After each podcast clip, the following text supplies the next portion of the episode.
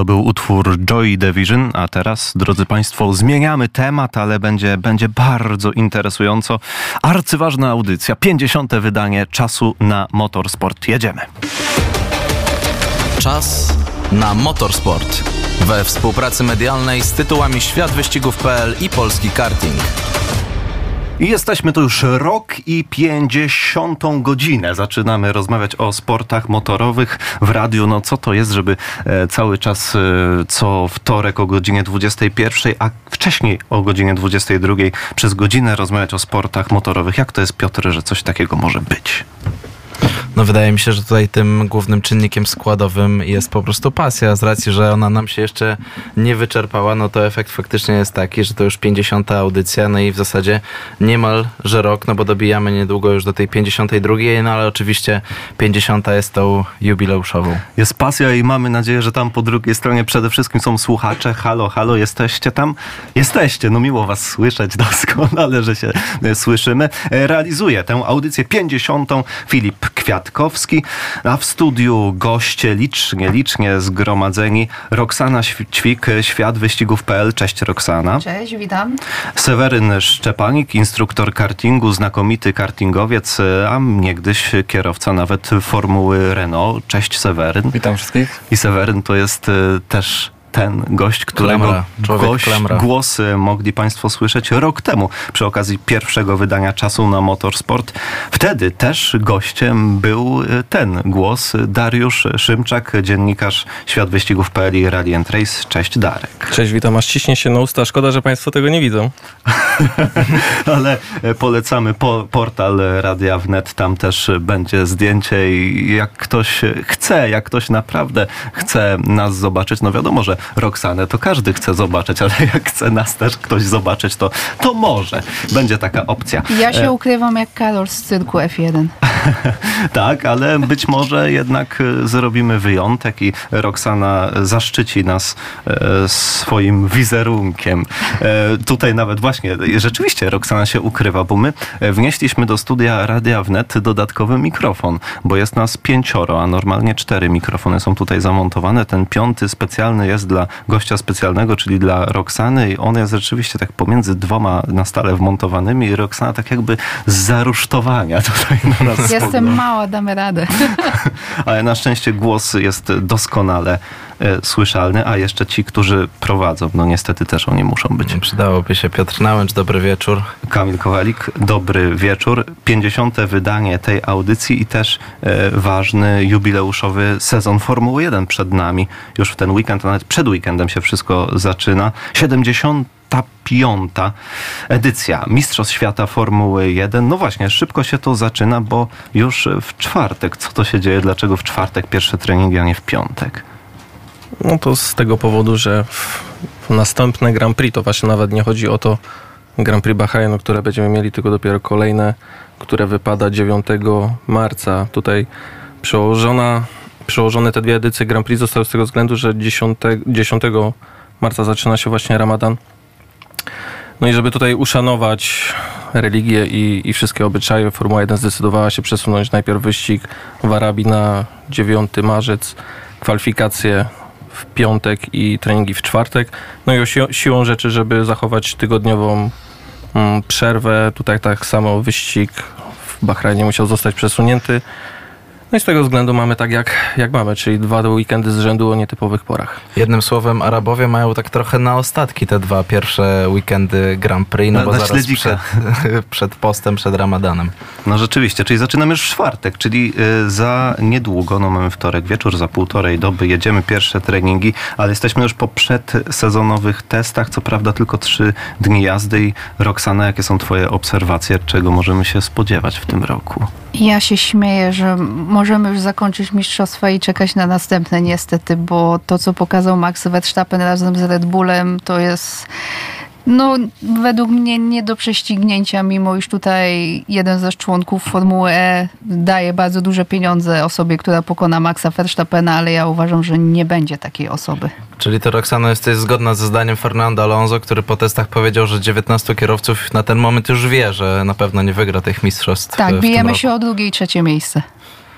To kto drugi, kto trzeci? Obstawiam, że będzie ktoś, to, kto jeździ albo w McLarenie. Perez obstawiam, że znowu gdzieś tam w pewnym momencie się zestresuje, bo na pewno dojdzie do takiej sytuacji, że będzie postawiony pod ścianą. No chyba, że obecne sytuacje, które teraz mają obecnie w Red Bullu w jakiś sposób przywrócą to wszystko do góry nogami, a niestety może się tak zdarzyć, że za chwilę i Red Bull zostanie bez szefa zespołu. E, Christiana Hornera, który niejako jest ostoją przecież tego całego filaru. Jeżeli chodzi o kolejnych kierowców, mam nadzieję, że w końcu Ferrari pokaże na co ich stać i Carlos Sainz, który po tym sezonie pożegna się z, czerwonym, z czerwoną ekipą, pokaże, że mimo wszystko to nie był dobry wybór, żeby go zamienić na Louisa Hamiltona. Ja pamiętam, jak jeszcze w przerwie przedsezonowej, międzysezonowej Adrian Newey mówił, że to będzie ewolucja. W zasadzie tak trochę bawił się z nami, z fanami, ale także z rywalami, mówiąc, że on nie planuje jakichś radykalnych kroków, że wręcz obawia się. Pamiętam takie wypowiedzi, że e, rywale mogą poczynić e, mocny krok do przodu i faktycznie gdzieś tam się zbliżyć do Red Bulla. No a my zaczynamy, słuchajcie, ten sezon i tak naprawdę Red Bull ma kom kompletnie inną koncepcję co do samochodu w tym sezonie. Wręcz Adrian Newey zagrał, zagrał na nosie inżynierom Mercedesa, no bo skopiował te oczywiście charakterystyczne rury kwijące się gdzieś tam w dalszej części nadwozia. Nawiązał w jakiś sposób do tej koncepcji y, Zero Side Pods, no i tak naprawdę możemy tylko teraz gdybać się zastanawiać, na ile to będzie efektywne dla zespołu Red Bulla, czy mogą być jeszcze bardziej dominujący niż w zeszłym sezonie. Y, no ale tak powiedzmy na, na intuicję i na wyczucie myślicie, że te prognozy odnośnie tego, że Red Bull może mieć nawet sekundę przewagi nad resztą stawki w kwalifikacjach można włożyć między bajki, czy jest to coś, czego można się obawiać? Z jednej strony to może być nawet tak, że ta różnica jest niedoszacowana jeszcze. Nawet może wyjść jeszcze tak, że Red Bull odkręci jeszcze coś bardziej, a, a to co widzieliśmy na testach w przypadku Ferrari czy, czy Mercedesa i innych zespołów, no może się okazać niewystarczające. E, kluczem tutaj w sumie będzie weryfikacja e, Czeko Pereza i, i jego, e, jego dostosowania się do, do samochodu, bo jeżeli będzie dużo z przodu przed tymi zespołami typu Ferrari, Mercedes i McLaren czy Aston, no to faktycznie będzie można powiedzieć, że, że tak, że, że tutaj ta przewaga była niedoszacowana, jest dużo większa. Mm, zobaczymy to już po pierwszym wyścigu w tamtym roku bodajże tak było, że Max jak wygrywał Grand Prix Bahrainu, to czego też na początku miał trochę problemów, ale później tam dosyć spokojnie sobie odjechał i, i ta przewaga, ona w zasadzie była, ten pierwszy wyścig pokazał jaka jest przewaga Red Bulla, taka faktyczna i, i myślę, że właśnie Czeko będzie takim punktem odniesienia czy, czy Red Bull jest daleko z przodu, czy, czy będzie można jeszcze w jakiś sposób zagrozić e, tutaj stajni z Milton Keys i, i żeby jakiś zespół po prostu powalczył o wygraną. No ale może te kwalifikacje to będą zupełnie inaczej wyglądać w tym sezonie, bo najlepsze czasy w Bahrajnie wykręcali kierowcy Ferrari, jak to widzicie. Czasy się nie liczą. Czasy się nie liczą, dokładnie. Ale nie czas na motorsport tym, się liczy. To się czas liczy zawsze. Tak. No nie właśnie... mówiąc też o tym, że, przepraszam, że przeszkodziłam, e, należy też spojrzeć na to, że Red Bull to nie tylko Newey Horner, Max Verstappen, ale mają też Jacka Denisa, który jest e, mistrzem świata Formuły E. To jest człowiek, który przez bardzo bardzo długi czas był w cieniu e, kierowców e, głównych, bo Red Bull się nie chwalił tak jakby, że Jack Dennis jest e, ich kierowcą testowym i działa w symulatorze. I dopiero chyba dwa albo trzy lata temu Jack sam wrzucił zdjęcia, że wybiera się do siedziby i teraz właśnie też widziałam, że dzisiaj udostępnił kolejne zdjęcie, że zaczynamy zabawę na nowo. No i też za swoją pracę i za to wszystko, co gdzieś tam za kulisami zrobił, pojechał w testach dzięki temu i miał też okazję poczuć, jak to jest jeździć tym samochodem, którym jeździ w symulatorze, jeździć po torze. E, właśnie, e, kierowcy Red Bulla, ten Perez e, rzeczywiście jest już na takim etapie, że wie, że to jest koniec, no bo zobaczmy jaka szeroka gama. Ricardo, Tsunoda, no może nie aż tak atrakcyjny wybór, no ale przecież pamiętamy też o Liamie Lawsonie. To jest taki sezon dla Pereza, że no, cokolwiek by nie zrobił, to dla niego Red Bull i ta przygoda się już skończyła, waszym zdaniem? To ja tylko dodam, że ciekawostką jest, że tylko siedmiu kierowców ma na razie kontrakt na 2025 rok. Hamilton, Verstappen, Russell, Stroll, Norris, Piastri i Leclerc, więc tutaj też tak naprawdę pole do manewru i do jakichś e, kalejdoskopów, jeśli chodzi o zawirowania kontraktowe jest e, póki co bardzo duże. Tak. Między innymi wczoraj albo przedwczoraj e, Nico Hulkenberg przecież powiedział, że patrzy na to, jakie będzie miał opcje w, w, przyszłym sezonie. Nie oszukujmy się, że dobrą opcją jest Audi i Audi będzie takim e, zespołem, gdzie będzie walka o nie o jedno, ale o dwa miejsca, bo przecież Carlos Sainz i jego ojciec, jego ojciec jest związany z Audi od lat, e, wygrywają razem Dakary i jeżdżą Dakar, na Dakar. Nico Hulkenberg, wiadomo, niemiecki zespół będą chcieli mieć Niemca. Jest też y, Mick Schumacher, bo też trzeba pamiętać o tym, mimo że teraz jest w Alpin i jeździ w Łeku, to też ma, szuka swojej szansy, bo też wiele osób uważa, że jego debiut w Hasie no, nie, nie był trafiony, bo każdy, kto zadebiutuje w Hasie jeszcze jest debiutantem, zawsze przegra. I to patrząc na, na wielu płaszczyznach. Y, wszystko to, jak to mówią, nie ma kontraktu, którego się nie da zerwać. I jeżeli chodzi o, tu teraz właśnie kolega Dariusz mi pokazuje, że Bruno Franin, czyli szef y, zespołu Alpine, mówi, że mają z ekskluzywny kontrakt właśnie z Bickiem właśnie na jeżdżenie w Endurance, ale jak mówię, nie ma kontraktu, którego się nie da zerwać i Lewis Hamilton jest tego idealnym przykładem. Człowiek, który powiedział, że kocha Mercedesa, jest lojalny, zawsze z nimi będzie wygrywał, zawsze będzie z nimi przegrywał, nagle szok, niedowierzanie przechodzi do Ferrari. No właśnie, i co to będzie za sezon dziwaczny, jeśli chodzi o tego Mercedesa? Co oni mają zrobić z Lewisem Hamiltonem, jeśli no, wszystko wskazuje na to, że Mercedesem o tytuł mistrzowski nie będzie można powalczyć, to jaki jest sens, nie wiem, tego Hamiltona premiować pozycją na torze, czy to już nie powinien się Mercedes rzeczywiście skupić na Russellu? W każdym zespole, czy to w piłce nożnej, czy w innych e, dyscyplinach sportu, jeżeli wiadomo, że ktoś odchodzi do innego zespołu, automatycznie ta osoba jest odsuwana, więc ja nie wierzę, że Toto Wolf wyjdzie i powie, nie, my go nie odsuwamy, wszystko jest ok, Luis z nami pracuje, bo na pewno gdzieś już teraz na etapie tego sezonu i tego, co się dzieje, y, pewnych w pewnych naradach czy rozmowach Luis nie będzie brał udziału. Y, nie wiem, czy widzieliście taki śmieszny mem, gdzie właśnie na testach Lewis Hamilton robił zdjęcia Mercedesa ze wszystkich stron i ludzie się śmiali. O, wysyła już do Ferrari, pewnie do Frederica Wassera zdjęcia, jak wygląda nasz samochód z bliska. No ale to biedny będzie ten Lewis. No taki zasłużony, siedem tytułów w Mercedesie, nawet przypisują jemu osiem i co będzie tak e, smutnie gdzieś tam z boku. Też się zastanawiam, jak naprawdę takie odsunięcie miałoby wyglądać w jego przypadku, no bo przecież jest to osoba, która przy Toto Wolfie i przy innych zasłużonych, jakby nie patrzeć w jakiś sposób scala ten zespół, jest e, po prostu e, może tym, będzie tym korem, dbał o, o, atmosferę, tak jak w polskiej kadrze. Wiadomo, że to się liczy, niektórzy. prawda? Ale patrzmy też, Naukę że nie ma języka... Nikiego Laudy, który no, był no tym właśnie. spoiwem pomiędzy Toto Wolfem a Lewisem Hamiltonem. Może będzie właśnie czas na to, żeby Lewis Hamilton zaczął się uczyć włoskiego. O, to jest, to, to jest pomysł. Pierwsza okazja y, i moda. Y, wyścig tam właśnie wy byliście, albo inaczej planowaliście być na wyścigu. Ja nawet dwukrotnie, więc nie wspominam Imoli zbyt dobrze. E, drugi raz wiem dlaczego, bo nawet chyba nie widziałaś toru, bo to było rok temu. Tak, zdążyłam wylądować, spotkać się z kolegą tutaj siedzącym obok mnie, Darkiem. Zdążyliśmy zrobić chyba półgodzinny spacer i dostaliśmy właśnie maile, że wyścig odwołany. To ja jeszcze też, dla mnie Imola jest z innego względu nieszczęśliwa, bo rok wcześniej też miałam z nią złe wspomnienia. Tak samo jak z Moncą, nie wiem, chyba włoskie wyścigi nie są dla mnie, mimo że są piękne i kultowe i historyczne. A co się z y, Monca to był ten rok, wtedy tam byłaś, rozumiem, gdzie był problem z dostaniem się na tor, podejrzewam. Tak, tak. tak. 19? Nie, to już było po, po pandemii, tak? Po pandemii, po tak. No pandemia też zrobiła swoje, bo też jako dziennikarze piszący nie byliśmy na liście premiowanej. Wiadomo, no, osoby, które piszą w internecie mają mniejszy priorytet niż y, telewizję, więc zawsze przegrywaliśmy z telewizją i powiem szczerze, dwa lata siedzenia w domu nie są zbyt fajne, jak się jeździ prawie co, co miesiąc, co dwa na tor.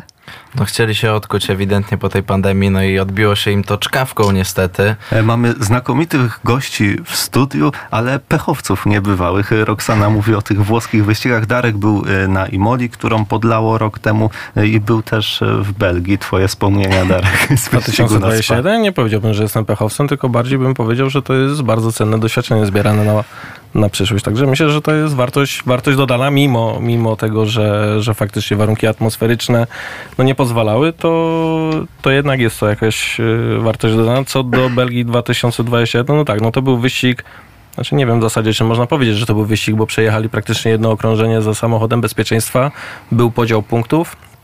Wtedy był jeszcze podział punktów na, na połowę. Teraz już zostało to zmienione, że dystans wyścigu musi być przejechany przynajmniej w 50%, tak? Tak, tak. Tak, w 50%, 75% i, i 100. No tak, no ja pamiętam, że wtedy od samego rana już byliśmy na to, że chyba Formuła 3 wtedy też miała e, wyścigi Formuła 2. Oczywiście e, Formuła 3 chyba się tylko jeszcze odbyła, bo strzelili się w okno pogodowe, czyli od godziny 8 czy od 9 do powiedzmy 8 chyba wieczorem ostatni kibice zaczęli wychodzić z toru, no w tym ja, także Nie, warunki atmosferyczne są fajne. My przeżyliśmy z Darkiem Katar i powiem szczerze, że osoba, która zaplanowała na ten weekend wyścig Formuły 1, nie wiem czym się kierowała. No dobra, wiadomo czym się kierowała, ale nie mówmy o tym głośno. Powiem szczerze, że nigdy w życiu nie przeżyłam takiego skwaru i takiej duchoty jak tam. To po prostu tylko jeden Fernando Alonso był w pełni takich sił witalnych, bo wcześniej nawet go zapytałam, co było gorsze, robienie Dakaru czy tutaj. A on taki z takim uśmiechem mi odpowiedział, nie, ja tu przyjechałem miesiąc temu czy dwa miesiące temu na treningi z Naserem, więc ja tu czuję się dobrze. wtedy by się przydał ten belgijski deszcz. Oj tak. Ile było stopni w Katarze? 44? 44, ponoć o 22 było 33 stopnie. Ja, ja powiem szczerze, że powiedziałabym, że znacznie więcej. Nigdy w życiu nie wypiłam trzech butelek półlitrowych wody na raz. Nigdy Tak, mi się to nie zdarzyło. Mówiło się, że to jest Luisowa temperatura. Nawet Czyli- większa niż Fernando Alonso ma lat w zasadzie. No dokładnie. On jest wieczny. Nie wiem, czy zauważyliście z każdym zdjęciem co roku coraz młodszy. tak, tak. Taki Krzysztof angielskim. Dziwny wiem, przypadek wiecie, Fernando dlaczego, Alonso. dlaczego taka teoria jest właśnie, że on się nie starzeje. On miał taki e, wypadek na testach chyba w, m, przed wejściem e, W hybryd. Barcelonie. Tak, że gdzieś tam poraził go prąd. I tak gdzieś czym czytałem, że od tamtej pory W się nie 2015, nie? To Tak, teorii wtedy na jak- ten temat jest sporo. Mówią właśnie, że poraził go prąd, że on nawet stracił pamięć, dlatego też nie mówi się o tym głośno. E, Miałam okazję też czytać raport, który się pojawił zaraz po wypadku i zniknął jakoś tydzień po, gdzie jeden z dziennikarzy właśnie opisał, że Fernando Alonso myślał, że jest rok e, któryś tam, już nie pamiętam który, ale to wtedy, gdzie jeździł dla Renault i zdobywał Mistrzostwo Świata, więc coś w tym musiało być, bo nagle raport zniknął i dziennikarz też, więc... Mamy nadzieję, że tą pamięć mięśniową ma. Chyba wygląda, że, że tą akurat Chyba ma. radzi sobie całkiem nieźle. Możemy zapytać, jak na Imole pojedziemy znowu. Tak, i życzymy, by, było, by, by, by była pogoda jak w Katarze bardziej, czy czy jak już macie wybierać, to... Między Czy- Spa a Katarem. O, Tak. To by była idealna temperatura i idealne warunki. Ja wybierałam zawsze takie wyścigi, gdzie było bardziej ciepło niż zazwyczaj. E, W Baku się spaliłam raz. e, Na Węgrzech też e, temperatura była wyższa niż zazwyczaj. Potem pojechałam na Spa i to był cudowny dzień, bo jednego dnia rano było 10 stopni, potem się zrobiło 26 i nagle wieczorem 10. To, były, to, to są cudowne doświadczenia, które hartują na, na późniejsze lata. E, Jeździ też ostatnio dużo Seweryn. Seweryn Szczepanik. y, Seweryn instruktaż teraz y, kartingowy to twoje, to twoja mm, główna dziedzina. Jak tobie to wszystko wychodzi przez ten ostatni rok, bo pamiętam jak rok temu e, rozmawialiśmy, to e, chyba od tego czasu sporo się wydarzyło, jak obserwuję twoje media społecznościowe, jeśli chodzi o to, gdzie bywasz Dokładnie. i kogo trenujesz. Tak, bo zaczęło się od instruktażu, ale gdzieś tam e, w głowie zawsze rodził się pomysł, żeby przełożyć to trochę na bardziej sport wyczynowy, czyli nie e, zbieranie dzieciaków e, i trening na halach kartingowych, tylko pójście już troszkę bardziej temat wyczynowy. Już w tamtym roku rozpoczęliśmy takie serie a- właściwie amatorskich treningów na torach zewnętrznych. W których tak naprawdę każdy mógł wziąć udział, bo ja się ogłaszałem, tam nawet czasami ludzie niezwiązani z kartingiem się odzywali, no ale jednak głównie mi chodziło o to, żeby no, ktoś ten złapał bakcyla i e, zaraził się sportem kartingowym od strony takiej wyczynowej. No i pod koniec roku udało się e, wykupić team kartingowy, który miał widmo zamknięcia się, a E, zaraz z byłym właścicielem e, wpadliśmy na pomysł, że czemu nie przedłużyć życia i, i, i nie, nie, startować w kolejnych sezonach.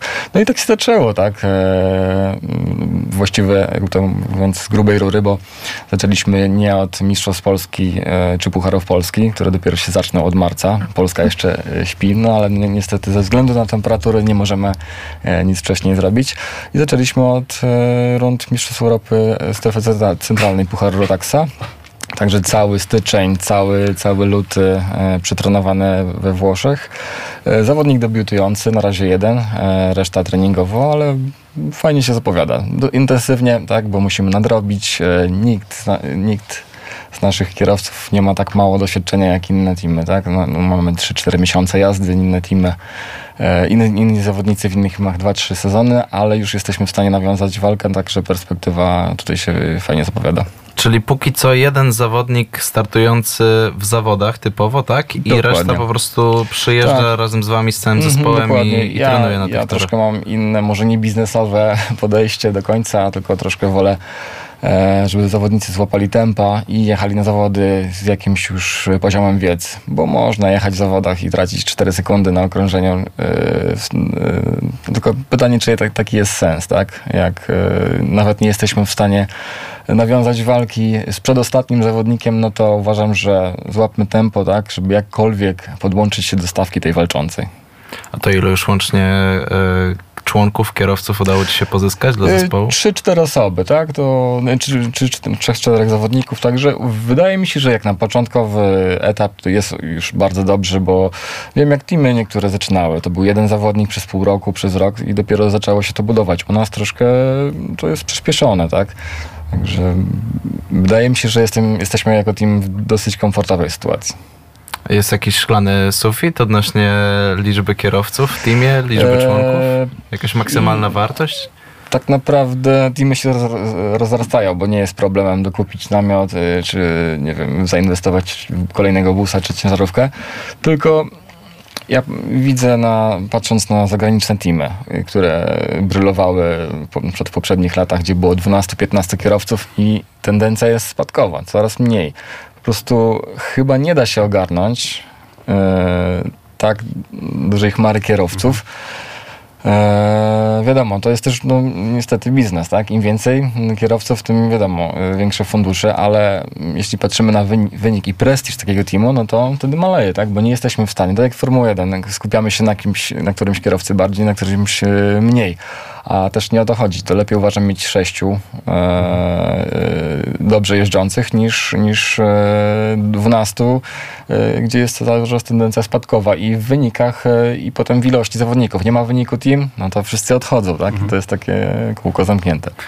Tak z twojego doświadczenia, po jakim czasie jesteś w stanie stwierdzić, że akurat ta osoba może rzeczywiście osiągnąć coś więcej i być tym podopiecznym?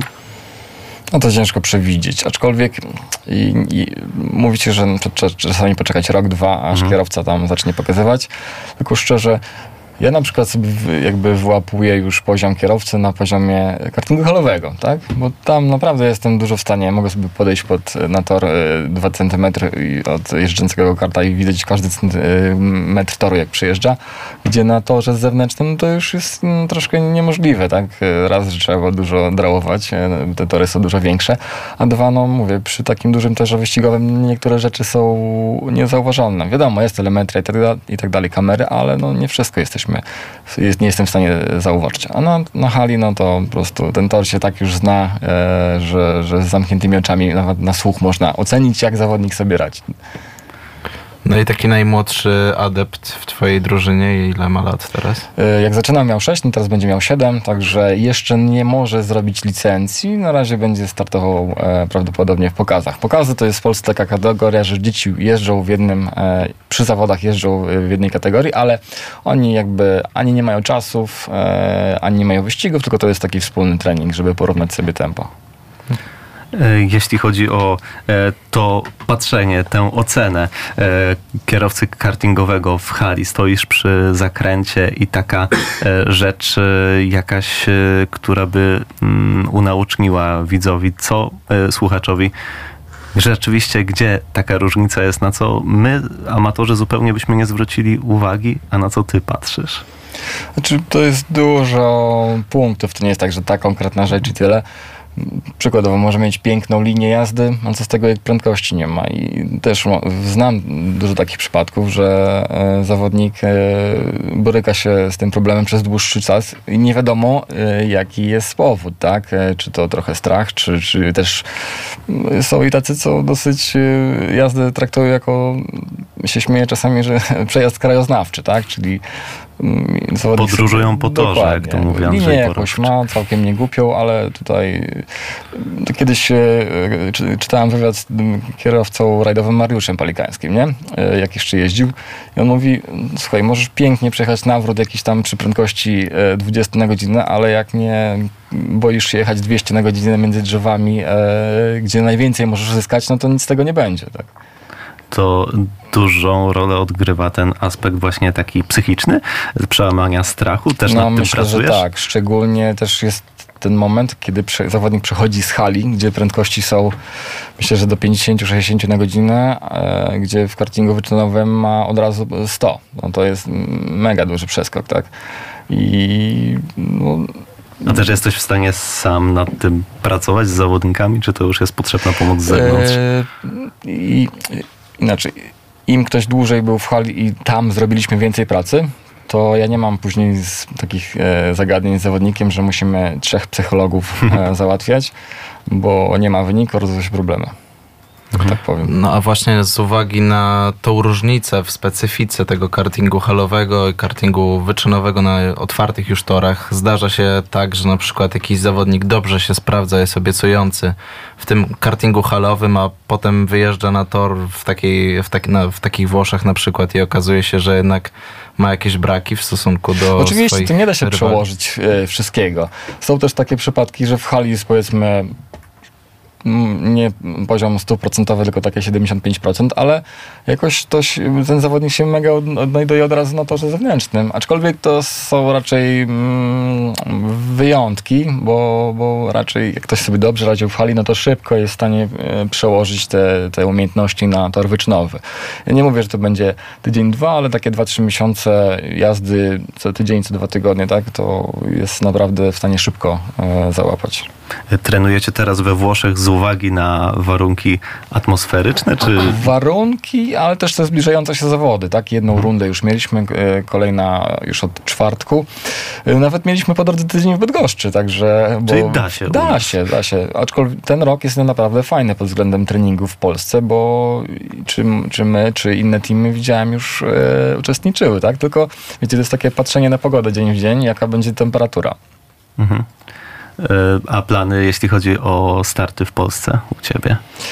E, No to cały sezon Pucharu Rotax, tak, Mhm. czyli 6 albo 7 rund. E, Kartingowe Mistrzostwa Polski 3 rundy. No i co, treningi. No i cały kalendarz CE, czyli te 5 rund, tak? I wszystkie przed nami, tak? Bo runda bonusowa to jest taka rozgrzewkowa, w sumie o nic, ale zwycięzcy tej bonusowej rundy otrzymywali darmowe wpisowe na wszystkie zawody. Także to, to, jest, to są niemałe kwoty już. A twoja praca jako właściciela zespołu, na czym się opiera na przykład podczas takiego weekendu wyścigowego? No bo oczywiście Mhm. masz jakiś na pewno mechaników, inżynierów, ale zatrudniasz kogoś jeszcze, żeby jakoś... Nie, nie. No, na razie to jest tak jeszcze mała y, rzesza zawodników, że nie ma potrzeby. Aczkolwiek myślę, że telemetrysta będzie potrzebny kiedyś, bo w tym momencie ja się tym zajmuję, tak? Także nie dość, że patrzę na to, że to się dzieje z zawodnikiem, no to jeszcze potem e, podpięcie jest po, każdym, po każdej sesji praktycznie całej, e, całych e, danych do, do komputera. E, Hmm, dlatego też mówiłem o liczebności zawodników w teamie. Wolałbym mieć sześciu niż dwunastu, e, bo jestem w stanie się skupić, a oddawanie tego kolejnym osobom, no mm, wiecie, problem taki jest, że przykład większość teamów nie ma osoby, która, znaczy większość, może nie większość, ale połowa, no nie ma osoby, która mm, zajmuje się zawodnikami od strony takiej jazdy, tak? E, To jest czysto takie techniczne, tylko jest mechanik z zawodnikiem, mechanik, który często nigdy nie jeździł, a daje, wiecie, rady e, zawodnikowi jak jeździć. Ja rozumiem, coś tam można zauważyć, bo jak się już jest mechanikiem 5-10 lat, już nawet z samego patrzenia jest e, się w stanie coś tam, jakieś wiedzy pojąć, no ale Wyobraźcie sobie inną dyscyplinę sportu, że trenerem jest ktoś, kto nie, nawet nie siedział, czy tam nie, nie, nie grał w piłkę. Tak? Albo w skokach narciarskich. E, Czyli normalnie e, instruktor e, często nie jest obecny na torze przy swoim kartingowcu. Nie. Mm, To jest mało który team, czy tam może jakbym zliczył jedna trzecia teamów ma jako szefa na przykład teamu kogoś, kto jeździł w kartingu w przeszłości. Tak. Jak się ten karting ma w Polsce z Twojej perspektywy? Jeśli chodzi o, może najpierw e, zacznijmy od zainteresowania. Czy jest potencjał e, do tego, by te serie, które mamy, rzeczywiście się rozwijały? No bo wiadomo, że żeby one się rozwijały, no to musi ktoś w nich jeździć. Znaczy poziom. E, Poziom uważam jest spory, bo widząc nawet wyniki e, rund czy Rotaxa, e, tej rundy z, zeszłego tygodnia, czy Pucharu, e, czy Rock Winter Cup, to my jedziemy w czołówce jako Polacy, tak? Także, czy serię WSK. Naprawdę nie ma się czego wstydzić, mimo że w Polsce tych zawodników jakoś nie przybywa zbytnio. Nawet ostatnio taka, taki portal Karting Raport wspomniał, że w, po- tej rundzie bonusowej we Włoszech jechało ponad 40 zawodników, a w, na KMP, jak jest jak są kartingowe Mistrzostwa Polski, czasami nie potrafi się uzbierać taka liczba, tak? Także To No, co, jak, świadczy jak o- sądzisz, ale to też może świadczy o wysokim poziomie właśnie szkolenia w Polsce. Mm.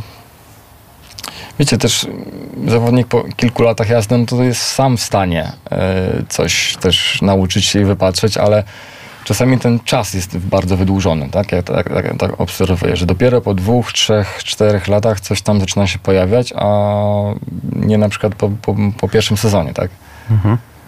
A mówiłeś też poza anteną, że zauważasz pewną tendencję mniejszego przenoszenia się kierowców, entuzjastów, tak to nazwi- nazwijmy, z kartingu halowego do, do tego kartingu wyczynowego. Czy faktycznie jest taka tendencja i z czego myślisz, że ona wynika? Mm, Tendencja tak, bo w przeszłości e, około 10% e, zawodników chodzących na szkółki, różnego rodzaju zajęcia indywidualne, e, 10% przechodziło do kartingu wyczynowego, tak? W pierwszym czy w drugim roku e, po szkółce. Teraz tendencja, czy tam procentowo to, to wygląda mm, gorzej.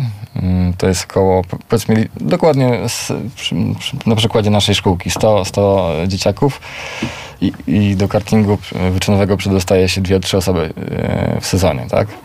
Także no, sami widzicie po cyfrach, że jest, jest gorzej. Liczba jako, jako y, entuzjastów się nie zmniejsza, ale chęć y, uczestnictwa w sporcie wyczynowym maleje.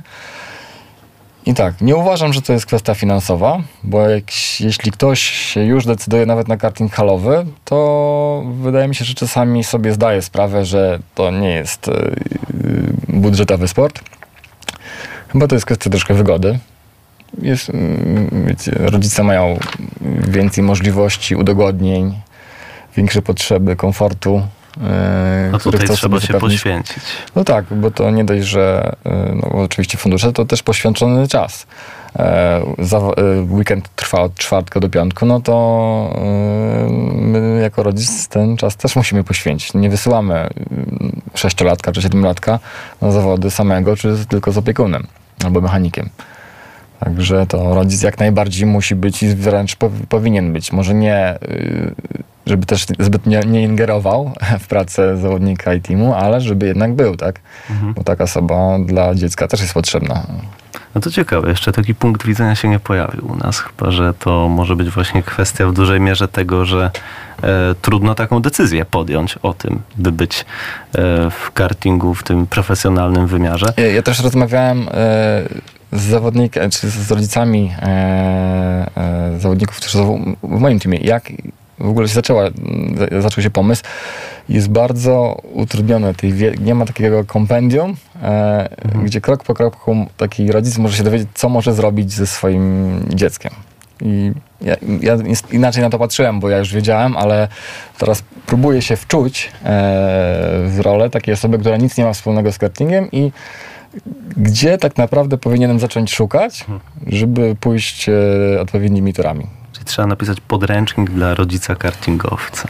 Czyli czasem nawet wola jest, tylko Mhm. tak naprawdę nie wiadomo jak ogarnąć ten cały Ja świat. nie mówię, że to jest że 100%, ale takie 30% ch- byłoby więcej z- z- tych zawodników, gdyby była łatwiejsza droga dotarcia.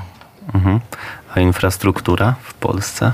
Myślę, że nie jest źle. Tych torów może w ostatnim czasie ubyło, ale zaczynają się pojawiać nowe. Tak? E, Wiem, że Biłgoraj e, już jest na wykończeniu. Także mm, nie jest to tak źle, a te pozostałe 5 czy 6 torów raczej nie ma tendencji do zamknięcia się. Aczkolwiek coraz więcej problemów jest z hałasem jednak, tak? Te, te obiekty, które są dosyć blisko miasta, czyli Bydgoszcz, no wiem, że już zaczynają się powoli e, problemy, aczkolwiek działacze sobie jeszcze radzą, tak? E, z sąsiadami. Aczkolwiek, no wiadomo, to wszystko chodzi o teren, te- teren pod deweloperkę, a nie to, że ktoś jest, e, że to jest jakieś uciążliwe dla trzech sąsiadów, tak? E, pod względem głośności, także... To mi się No. kojarzy z tą słynną sprawą, jak odwołali Gran Turismo kilka lat temu w e, Poznaniu. Nie wiem, czy kojarzycie tą sprawę, bo mieszkańcy narzekali, no wiadomo, tor w bliskim sąsiedztwie. Im nawet przeszkadza lotnisko, które jest szybciej od nich, więc temat rzeka. Ostatecznie przejazd nie odbył się nawet po mieście, miał się odbyć e, na torze Poznań, ale nawet jak już miał się odbyć na torze Poznań, to, to i tak jakieś e, macki poszły w ruch, no i ostatecznie się nie odbył. A elektryki, których już za bardzo czepiać się nie mogą, jak to w kartingu wygląda, to jest rzeczywiście trend, Znaczy, który może e, zagościć na stałe? Myślę, że tak. Ja też miałem okazję testować go-karty i wyczynowe, i rentalowe elektryczne. No to rentale mm, już zaczynają być gdzieś tam popularne. Mamy w Warszawie jeden tor e, i można sobie zobaczyć. Odczucia bardzo fajne. Jeśli natomiast chodzi o wyczynowego go-karta, no mega, tak? E, miałem okazję na, jeździć na Łotwie, takim 50-parokonnym mm, wózkiem, no to wrażenia niesamowite. E, tylko wiecie, mm, tak, nie ma tuningu silników, czyli odchodzą nam wszyscy tunerzy. Włosi to chyba byli, byli ostatnim krajem, który by to wprowadził. Tak? E, Bezrobocie by tak wzrosło. Także to nie będzie tak szybko. A wiadomo, a Włochy są e, królestwem do kartingu, także jak od nich coś nie wyjdzie, no to wątpię, żeby w pozostałych krajach to się pojawiło. Także jeszcze, ja, ja też z mojej obie- tak jakby subiektywnie, jeszcze mam, elektryki mają czas, tak? E, Kto, tam, kto chce, może sobie oczywiście kupić, bo już to jest na rynku, ale w zawodach niech jeszcze ten dźwięk dwusuwów i zapach zostanie.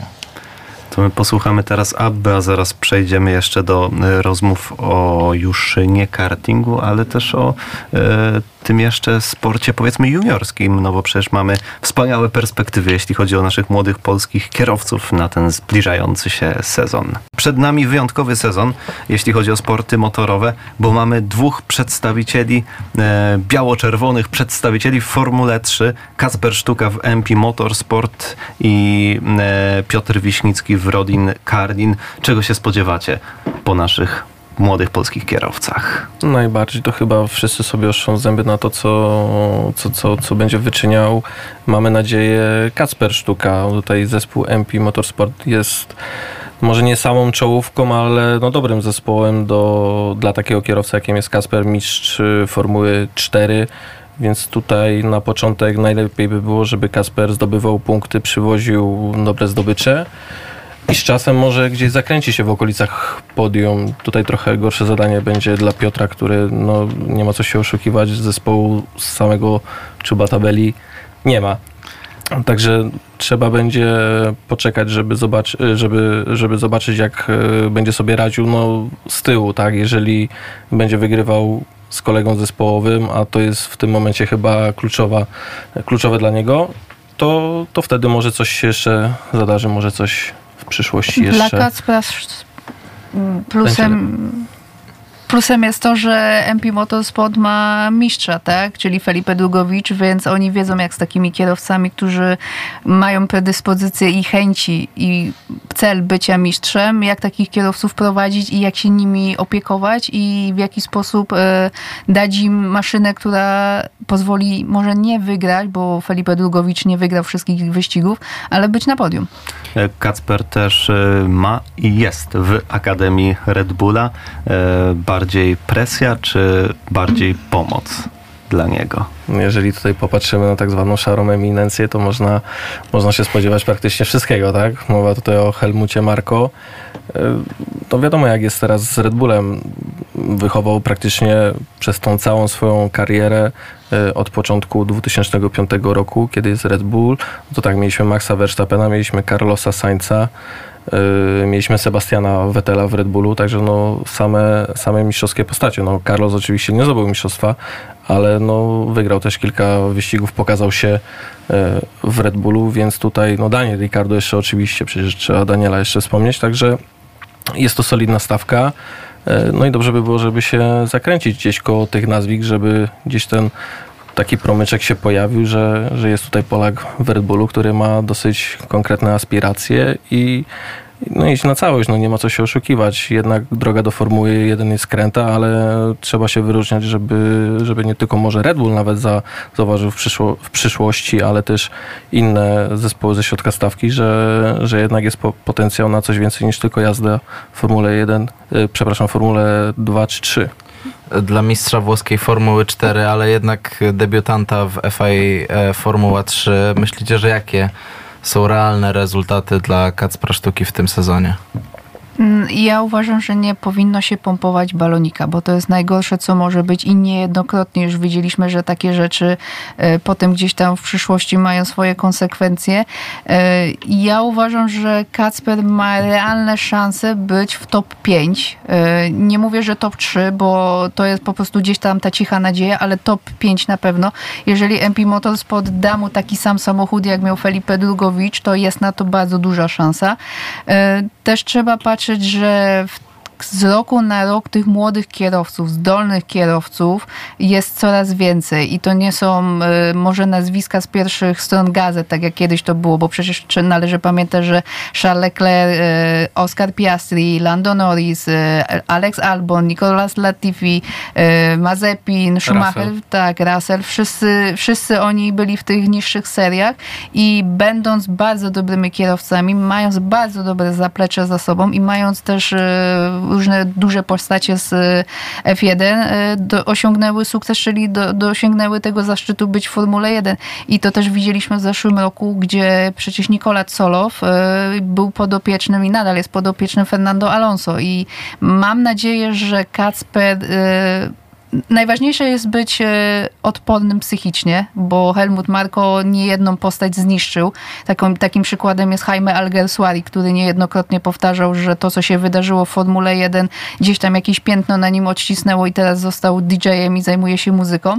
E, Mam też nadzieję, że to wszystko, co gdzieś się koło Kacpra dzieje, bo dzieje się dobrze, ma wsparcie Red Bulla, e, wsparcie bardzo dużych sponsorów, e, gdzieś tam zaprowadzi go, do, może nie od razu do Formuły 1, bo takim mistrzem, to, który to zrobił, to był Max Verstappen, który przeskoczył, dzień dobry, wygrywam, jestem mistrzem. Tacy kierowcy zdarzają się raz na kilkadziesiąt lat, ale mam nadzieję, że będziemy się cieszyć e, z tych małych sukcesów, żeby potem cieszyć się z tych dużych sukcesów. To w Formule 3, gdzie mamy dwóch przedstawicieli e, trochę niżej, czyli Freka. Tam jest Roman Biliński, który wygrał formułę regionalną e, w Nowej Zelandii. Teraz w ramach zimowych przygotowań e, jeszcze w GB3, czyli mniej więcej ta sama, e, ten sam szczebel mamy Tymka Kucharczyka w lepszym zespole niż ostatnio, nie w Douglas Motorsport, tylko w high-techu. No i mamy hiszpańską Formułę 4 i, i chłopaki, które zaczynają e, dopiero teraz, e, chłopacy, które zaczynają teraz przygodę z bolidami jednomiejscowymi, Maciej Gładysz, Jan Przyrowski i Wiktor Dobrzański. E, Seweryn, ty przeszedłeś tę drogę z kartingu do bolidów jednomiejscowych, do Formuły Renault. Jakie to jest wyzwanie dla kierowcy? To jest duże, na pewno nie zawsze gwarantem tego, że było się dobrym w kartingu. E, jest gwarancją, że od razu zacznie się wygrywać w formule. Aczkolwiek wid- widząc po Maćku Gładyszu, no od razu sukcesy mm, się pojawiły. Tylko ja wchodziłem do formuły Renault 2.0, czyli to nie był już taki słaby, słaby bolid e, 1.6, jak wtedy na przykład była popularna formuła e, 1.6 Volkswagen i tak z perspektywy czasu Skok był e, bardzo skok duży. był bardzo duży i lepszą opcją i tańszą też byłoby wtedy przejść do, do Volkswagena, a dopiero później do Formuły Renault 2.0, gdzie, ten, gdzie tam już jeździli naprawdę doświadczeni kierowcy, tak? Ale to był, wiecie, taki e, skok na głęboką wodę. I inaczej, nie było to, to jakaś zła decyzja, e, tylko że troszkę trzeba było czekać, tak? Samo przyzwyczajenie się do bolidu, mm, gdzie no, kierowcy też narzekali, że to jest, był ciężki bolid. Miękka, miękki, miękki monokok e, przy już takich prędkościach, no to, to nie była uważana za wtedy jakoś super konstrukcja, tak? Na przykład w porównaniu e, gdzieś tam e, z, nawet z Volkswagenem. Ja na przykład, e, jeśli chodzi o nadzieję, no to bardzo jednak mm, uważam, że ci, co byli dobrzy w kartingu na arenie światowej, no zawsze sobie poradzą, tak? E, w tych seriach mm, związanych z, no, z, z, z formułami. Także tutaj myślę, że na wyniki długo nie trzeba będzie czekać. No i tak jak mówiłeś, że Maciej Gładysz już y, jest szybki i to pokazuje, bo e, w Formule Winter Series, w tej serii, którą wygrał Kacper Sztuka rok temu, już w pierwszych próbach, w pierwszych wyścigach w bolidzie Formuły 4 y, staje na podium. Jeżeli mogę dodać, to w przypadku Maćka bardzo ważne jest to, że on jest prowadzony przez ojca, który przecież jest kierowcą wyścigowym i przez dziadka, który też przecież się ścigał, więc te, e, ta historia jest bardzo bogata i mam nadzieję, że też zajdzie bardzo daleko. No ja ja to też- bym jeszcze może dodał, że przecież ta dwójka tych kierowców niedawno e, miała swoją przygodę krótką w Akademii Kierowców właśnie. Ferrari, prawda? Czyli w tym FDA, skąd wywodził się innymi Charles Leclerc. Tutaj na tym kampie, na którym byli, przechodzili no, szereg różnych testów. E, też jazdy się pojawiały e, prawdopodobnie tym samochodem jednomiejscowym Formuły 4 właśnie. E, no, co prawda nie dostali się, ale jednak doświadczenie zebrane w Maranello, no myślę, że też przyda się na przyszłość. Co ciekawe, też Max Verstappen przecież był uczestnikiem tej szkółki Ferrari. Ja się zawsze zastanawiam, bo mam takie zawsze pytanie gdzieś z tyłu głowy, żeby zapytać kogoś, dlaczego nie wybrali Maxa, a wybrali Lensa Strolla, ale potem już gdzieś ta odpowiedź wiadomo, wiadomo dlaczego. No ale faktycznie jest to sytuacja bezprecedensowa, że mamy aż tak wielu polskich juniorów na tak e, wysokich miejscach w juniorskich kategoriach e, w tym roku. No oczywiście skupiamy uwagę przede wszystkim może na tych najwyższych, na Kacprze e, Sztuce, na Piotrku Wiśnickim. No i oczywiście pozytywnym aspektem jest to, że tak naprawdę z perspektywy fana nie trzeba się w tym sezonie jakoś mocno wysilać, żeby oglądać tą serię wyścigową, no bo oczywiście Formuła 3 to jest ta seria towarzysząca e, Formule 1, tak samo jak Formule 2, także no i pierwszy weekend wyścigowy już e, w Bahrajnie, już teraz, kiedy wszystko startuje. Tak, i to jeśli chodzi o harmonogram tej Formuły 3, no powiedzmy o nim, bo to nas myślę, że bardzo interesuje. E, Trening tylko jeden w czwartek, 8.55 polskiego czasu się zaczyna, kończy się o 9.40, więc niecała godzinka. Kwalifikacje y, też w czwartek o godzinie 14, w piątek piątek, 11.15 to wyścig sprinterski. Tam pierwsza dwunastka z kwalifikacji startuje w odwróconej kolejności. No i Kacper Sztuka mówił o tym, że po cichu liczy na to, by w tych e, pierwszych kwalifikacjach w Formule 3 właśnie być w pierwszej dwunastce. No dwunaste miejsce oznacza start z pierwszego pola e, w piątek w wyścigu sprinterskim. No i sobota to wyścig główny o godzinie e, 10. E, Właśnie Janek Przyrowski, Maciej Gładysz byli w Maranello, nie dostali się do Akademii Ferrari. Może, Maciej Gładysz, Max Verstappen, zobaczmy, nie dostali się do Akademii Ferrari, mimo że byli zauważeni. Obydwaj Mówisz, mają że są jakieś znaki? obydwaj mają e, tatę, prawda, już związanego ze sportem motorowym, także może rzeczywiście, może rzeczywiście coś tutaj będzie na rzeczy. Janek Przyrowski e, był w studiu Radia Wnet, e, Kacper Sztuka był w studiu Radia Wnet, więc może teraz Janek Przyrowski zostanie mistrzem Formuły 4.